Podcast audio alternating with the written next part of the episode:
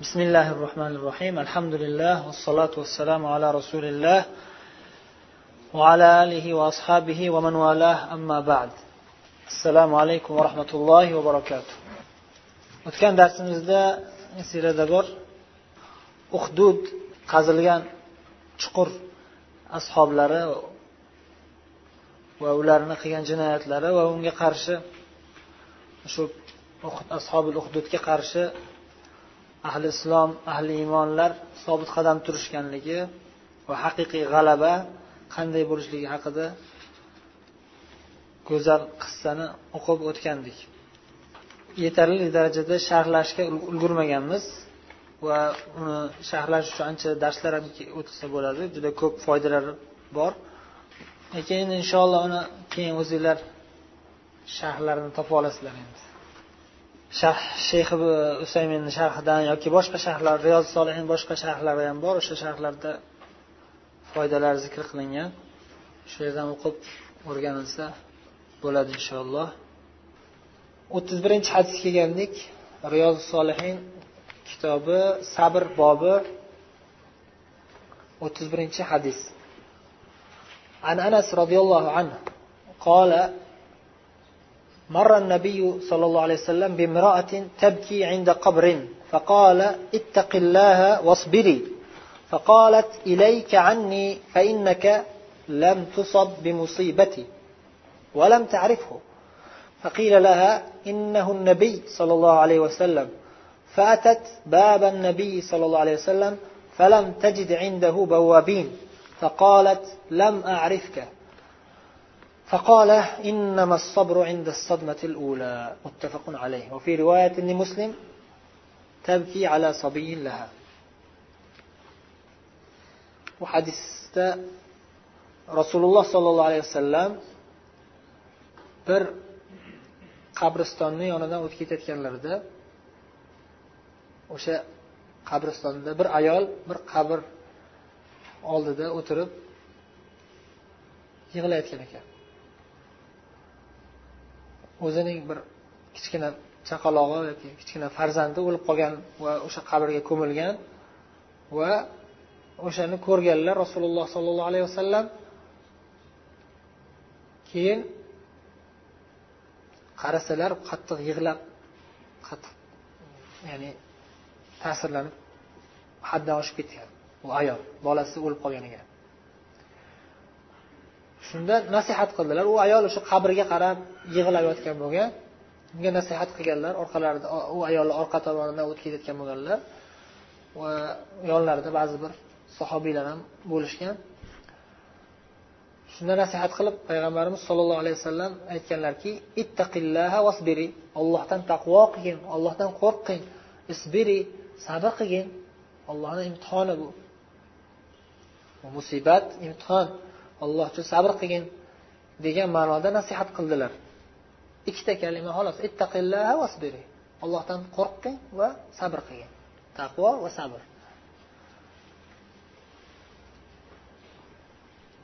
Bu ayol orqadan kim gapirayotganligini bilmasdan nima dedi?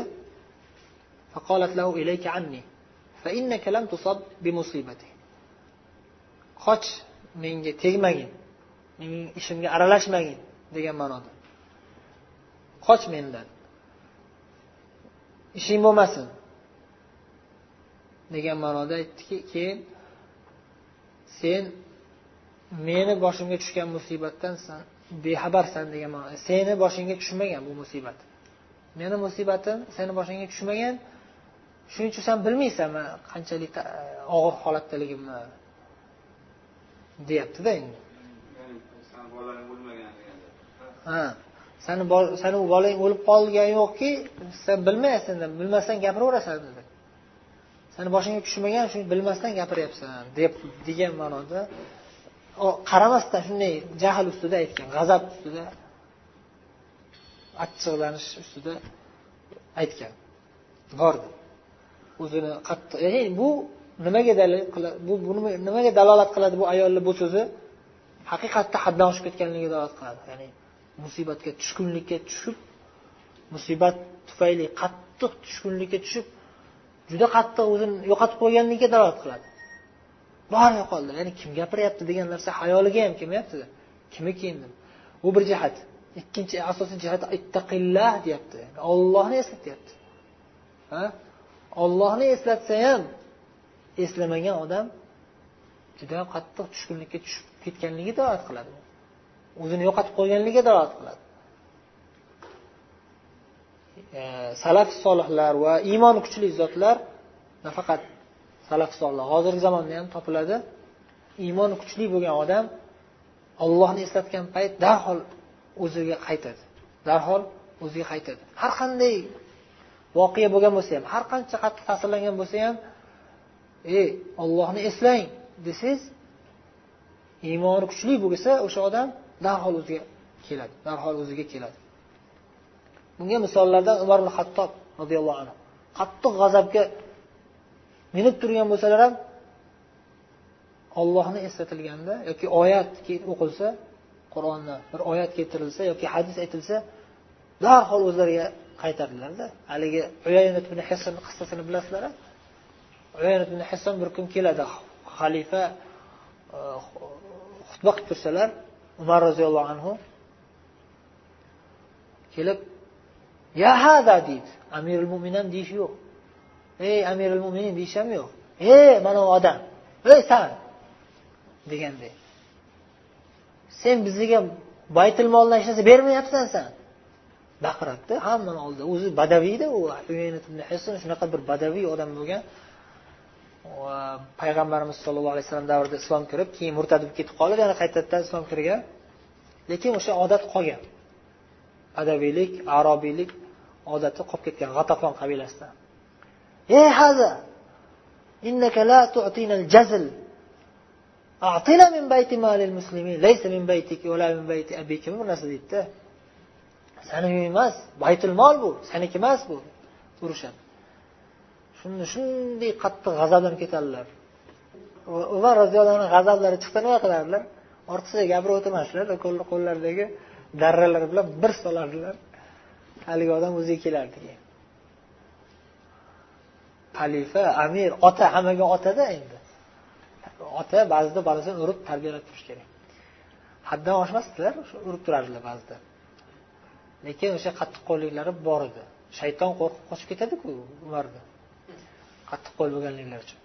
Haqiqatda shunday qattiq ushladilar haligi e, joyda endi solib qolmasinlar deb turib zir ibn hubaysh o'rinlaridan turib zir ibn hubaysh aytdilarki ya amir al mo'minin yaqulullohu taala darhol oyat o'qidilar. Hech narsa demadilar o'zi sabr qiling sabr qiling. O'ziz bosing o'ziz bosing. Bunaqa gaplar ketmaydi hozir. umar roziyallohu anhu kalitlari bor u kalitni bilish kerak zir ibn hubaysh o'sha kalitni bilardilar shunday turdilarda ya amirul mo'minin alloh subhanava taolo yaqul أعرض عن الجاهلين وهذا من الجاهلين johillardan yuz o'giring degan olloh ha mana bu odam johil dedilar bo'ldi boshqa gap gapirmadilar johil bu hamma biladi buni johilligini Shuni kana vaqqofan inda kitabillah deydi roviy. Ya'ni o'sha hadis rivoyat qilgan shu qissani rivoyat qilgan roviy aytadilarki umar vaqqof edilar endi kitabillah ollohni kitobida darhol to'xtab qoladigan odamlar shunda to'xtadilar bo'ldi. G'azablari tushdi. Ya'ni aytmoqchi bo'lgan foydamiz bu yerda nima? Tushkunlikka tushgan odam iymoni kuchli bo'lsa ham e, tushkunlikka tushgan bo'lsa ham iymoni kuchli bo'lgan odam olloh degan lafzni eshitdimi shu so'zni eshitdimi darhol o'ziga qaytish kerak. Bu ayol shunday qilmadi. Bu nimaga dalolat qilyapti? Bu ayol haqiqatdan o'sha bolasi o'lib qolganligiga tushkunlikka tushib aqlini yo'qotib qo'ygan. Ya'ni bu besabrlik ya'ni. Bu nima? Iymoni zaiflik va buni buni oqibati iymoni zaiflikdan kelib chiqqan oqibat besabrlik. Va buni oqibati nima bo'ldi? Payg'ambarga ozor berib qo'yishga olib bordi payg'ambarimiz sollallohu alayhi vasallamga odobsizlik qilishga olib bordi bu juda katta gunoh. Agar bilib turib qilsa nima bo'lardi? Dindan chiqib ketib qolardi kofir bo'lib ketib qolardi. Lekin bu bilmasdan qilganligi uchun payg'ambarimiz sollallohu alayhi vasallam ham indamadilar. Indamasdan ketaverdilar.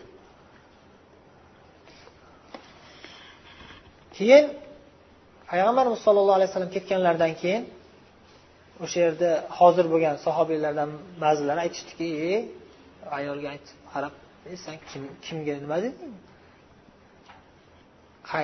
Qanday bir zotga san bunday odobsizlik qilding? Rasululloh. Bu kishi rasululloh sollallohu alayhi vasallam edilar. Qaramading ham. Bir shunday qarab ham qo'ymading. Gapirgan gapingni shunday odobsizlik bilan gapirding. deb urishishdi qattiq urush berishdi. Fanadimat keyin afsus chekdi bu ayol. Undan keyin o'ziga keldida endi boshga kalta yegandan keyin o'ziga keldi. Afsus chekib rasululloh sollallohu alayhi vasallamni oldilariga keldi.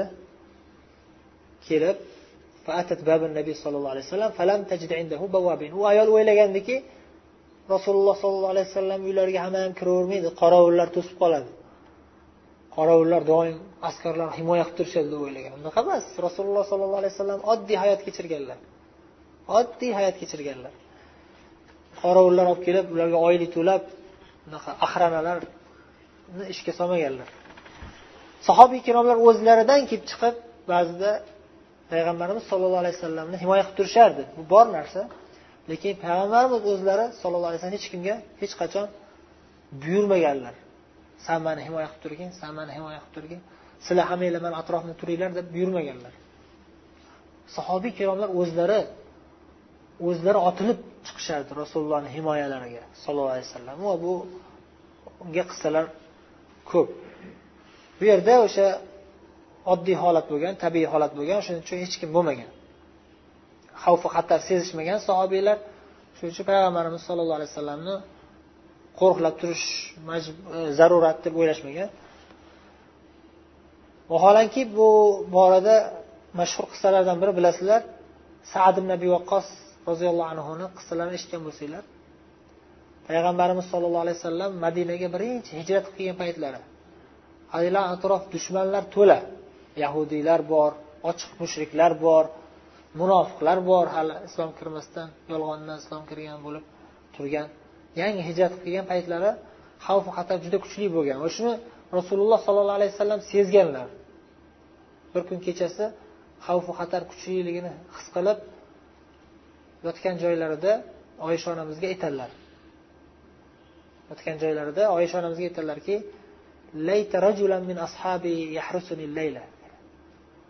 qaniydi meni ashoblardan bir kishi kelib shu kecha mani himoya qilib tursa edi deb orzu qiladilar lekin hech kimga aytmanglar.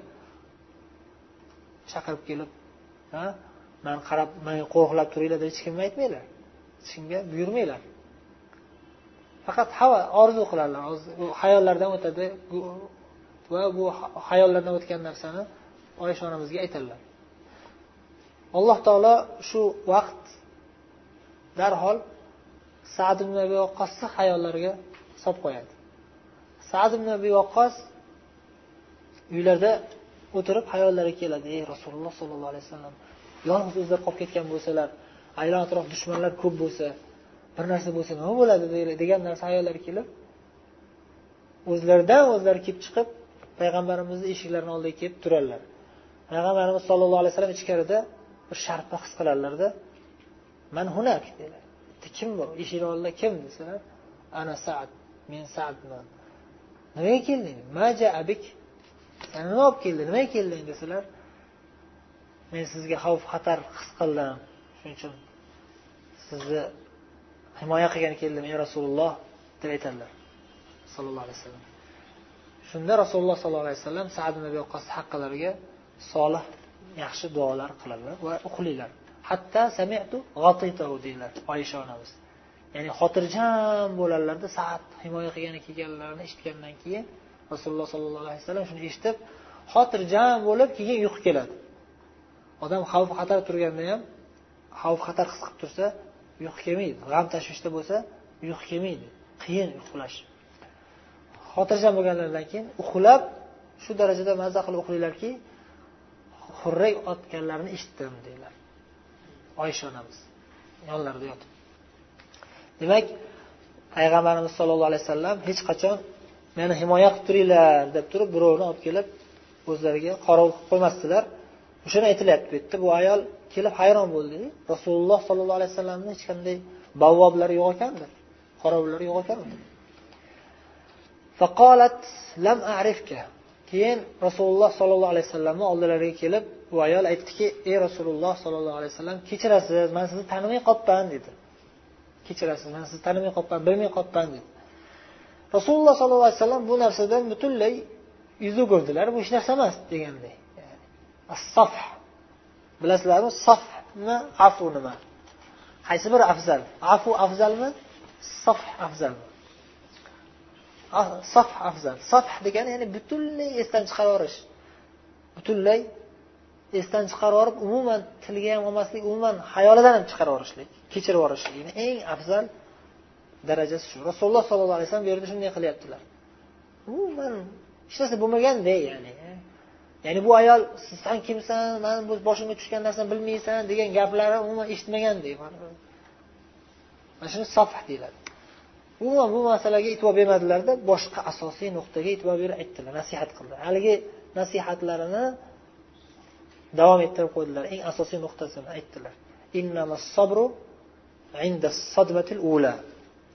Innamas sabru inda ula haqiqiy sabr degan innama sabr sab innama arab tili qoidalarini bilasizlar innama lil hasr hasr degani ya'ni faqat shu narsada cheklangan degani sabr faqat shunaqa bo'ladi deyaptilar sabr nima o'zi sabr birinchi zarbada birinchi zarbada sabr qilish ana shu sabr deyiladi boshqasi sabr emas degani o'zi aslida boshqasi ham sabr lekin bu eng asosiysi degan ma'noda ishlatiladi. Innama lil hasr littakid bayan ahamiyati. Ya'ni o'sha narsani ahamiyatini bayon qilish uchun hasr uslubida keladi. Va bu narsa qur'oni karimda ko'p kelgan. Innama valiyukumulloh va rasuluh. Va boshqa oyat innama deb kelgan oyatlar o'sha hammasi hasr cheklash. Ya'ni haqiqiy sabr birinchi zarbaga chidab berishda bo'ladi. Bu ayol birinchi sabr zarbaga chidab berolmadida birinchi zarbaga chidab bera olmasdan o'zini yo'qotib qo'ydi. Ana shu narsa xato o'sha narsa takrorlanmasin deb nasihat qilyaptilarda. Farzand o'lish oson ish emas e, oson musibat emas. Farzand o'lib qolish juda katta musibatlardan. Hamma ham sabr qilolmaydi sabr qilganlar ham hammasi bir darajada bo'lmaydi. Sabr qiladi lekin baribir qattiq ezilib baribir sal bo'lsa ham o'zini yo'qotib qo'yadi. Mana ayolga. Bu ayol ham ma'lum bir darajada sabr qilgan. Bizni ba'zi bir hozirgi zamondagi ayollarga o'xshab dodvoy qilib kiyimlarini yirtib baqir chaqir qilgan yo'q edi. Ma'lum bir darajada sabr qilgandi. Lekin baribir besabr hisoblandi. Ma'lum bir darajada besabrlik qildi. O'zini yo'qotib qo'ydi. Agar bu hozirgi zamondagilarni besabrligini ko'rsak nima bo'ladi? Xudo saqlasin bunga taqqoslab bo'lmaydi. Demak sabr qilish bu sabr bobi sabr juda katta ibodat juda katta muhim ahamiyat katta va eng birinchi zarbada sabr qilish. O'tgan darslarimizda ham aytdik hamma narsa kichkina bo'lib keyin kattalashib boshlaydi. Lekin musibat teskari. Musibat birinchi kelganda katta zarba bilan keladi keyingi zarbalari hech narsa bo'lmay qoladi. Keyingi zarbalari hech narsa bo'lmay qoladi. Ya'ni masalan hozir suriyani gapirdik. Suriya aholisi birinchi boshlanganda turib berdi. Endi hozir qaytmaydi orqaga oddiy bo'lib qoldi. Hamma kuzatuvchilar aytdiki to'rt oy o'tgandan keyin to'rt oygacha hech kim ishonmadi bu suriya davom etadi namoyish men ertaga to'xtab qolsa kerak indinga to'xtab qolsa kerak bir haftadan keyin to'xtab qolsa kerak deyishdi namoyish qilishyapti hech qanday natija yo'q hech qanday foyda yo'q hech qanday o'zgarish yo'q ko'p odam chiqmayapti hamda ko'p odam chiqmagandan keyin odamlar susayib tashlab yuboradi hamda masalan xullas boshlanishida o'sha to'rt oygacha suriyada hech kim ishonmadi. To'rt oydan keyin maqolalar yozish boshlashdiki suriyada endi orqaga qaytmaslik ilojisi bor. Shu paytgacha orqaga qaytib odamlar tashlab yuboradi deb degan gumon kuchli edi. To'rt oydan keyin sekin sekin endi ana endi boshlandi deyishdi. Endi boshlandi. Endi hozir umuman kuchayib ketdi. Alhamdulillah ya'ni hozir bo'lmasam birinchi boshlaganda kuniga bitta ikkita odam o'ldirardi. Ifloslarni qarang. Siyosat shaytoniy siyosat kuchliligini.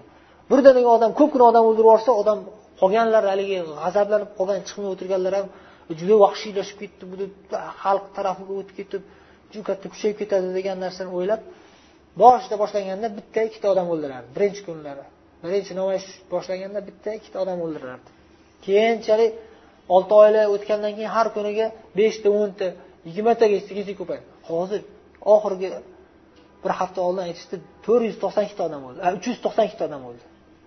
Uch yuz to'qson ikkita odam o'ldi bir kunda. uch yuz to'qson ikkita odam o'ldi oxirgi paytlari yuzta ikki yuzta uch yuztaga chiqib ketdida.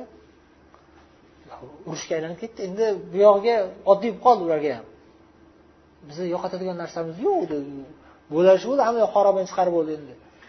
O'zini o'zidan boshqa hech kim qolmadi o'zini o'ldiramiz. Boshqa hech kim qolmadi. Bizni bolalarimizni o'ldirib yubordi otalarimizni o'ldirib yubordi uylarimizni buzib tashladi. Nonga ochib tasavvur qiling. Xalq mashaalloh chidab turganiga. Nonni ochirib turibdi besh yuzta olti yuzta odam. Shuni tepadan samolyotlar bombalar tashlab ketyapti. Nonni ochirib turgan ochdan o'laydigan odamlar kelib non pishishini poylab ozgina non berishyapti bitta bittadan. Haligi joyga kelib bomba tashlab ketyapti. Yuzta ikki yuzta odam yana urib ketyapti lekin yana alhamdulillah namoyish jihod davom etyapti.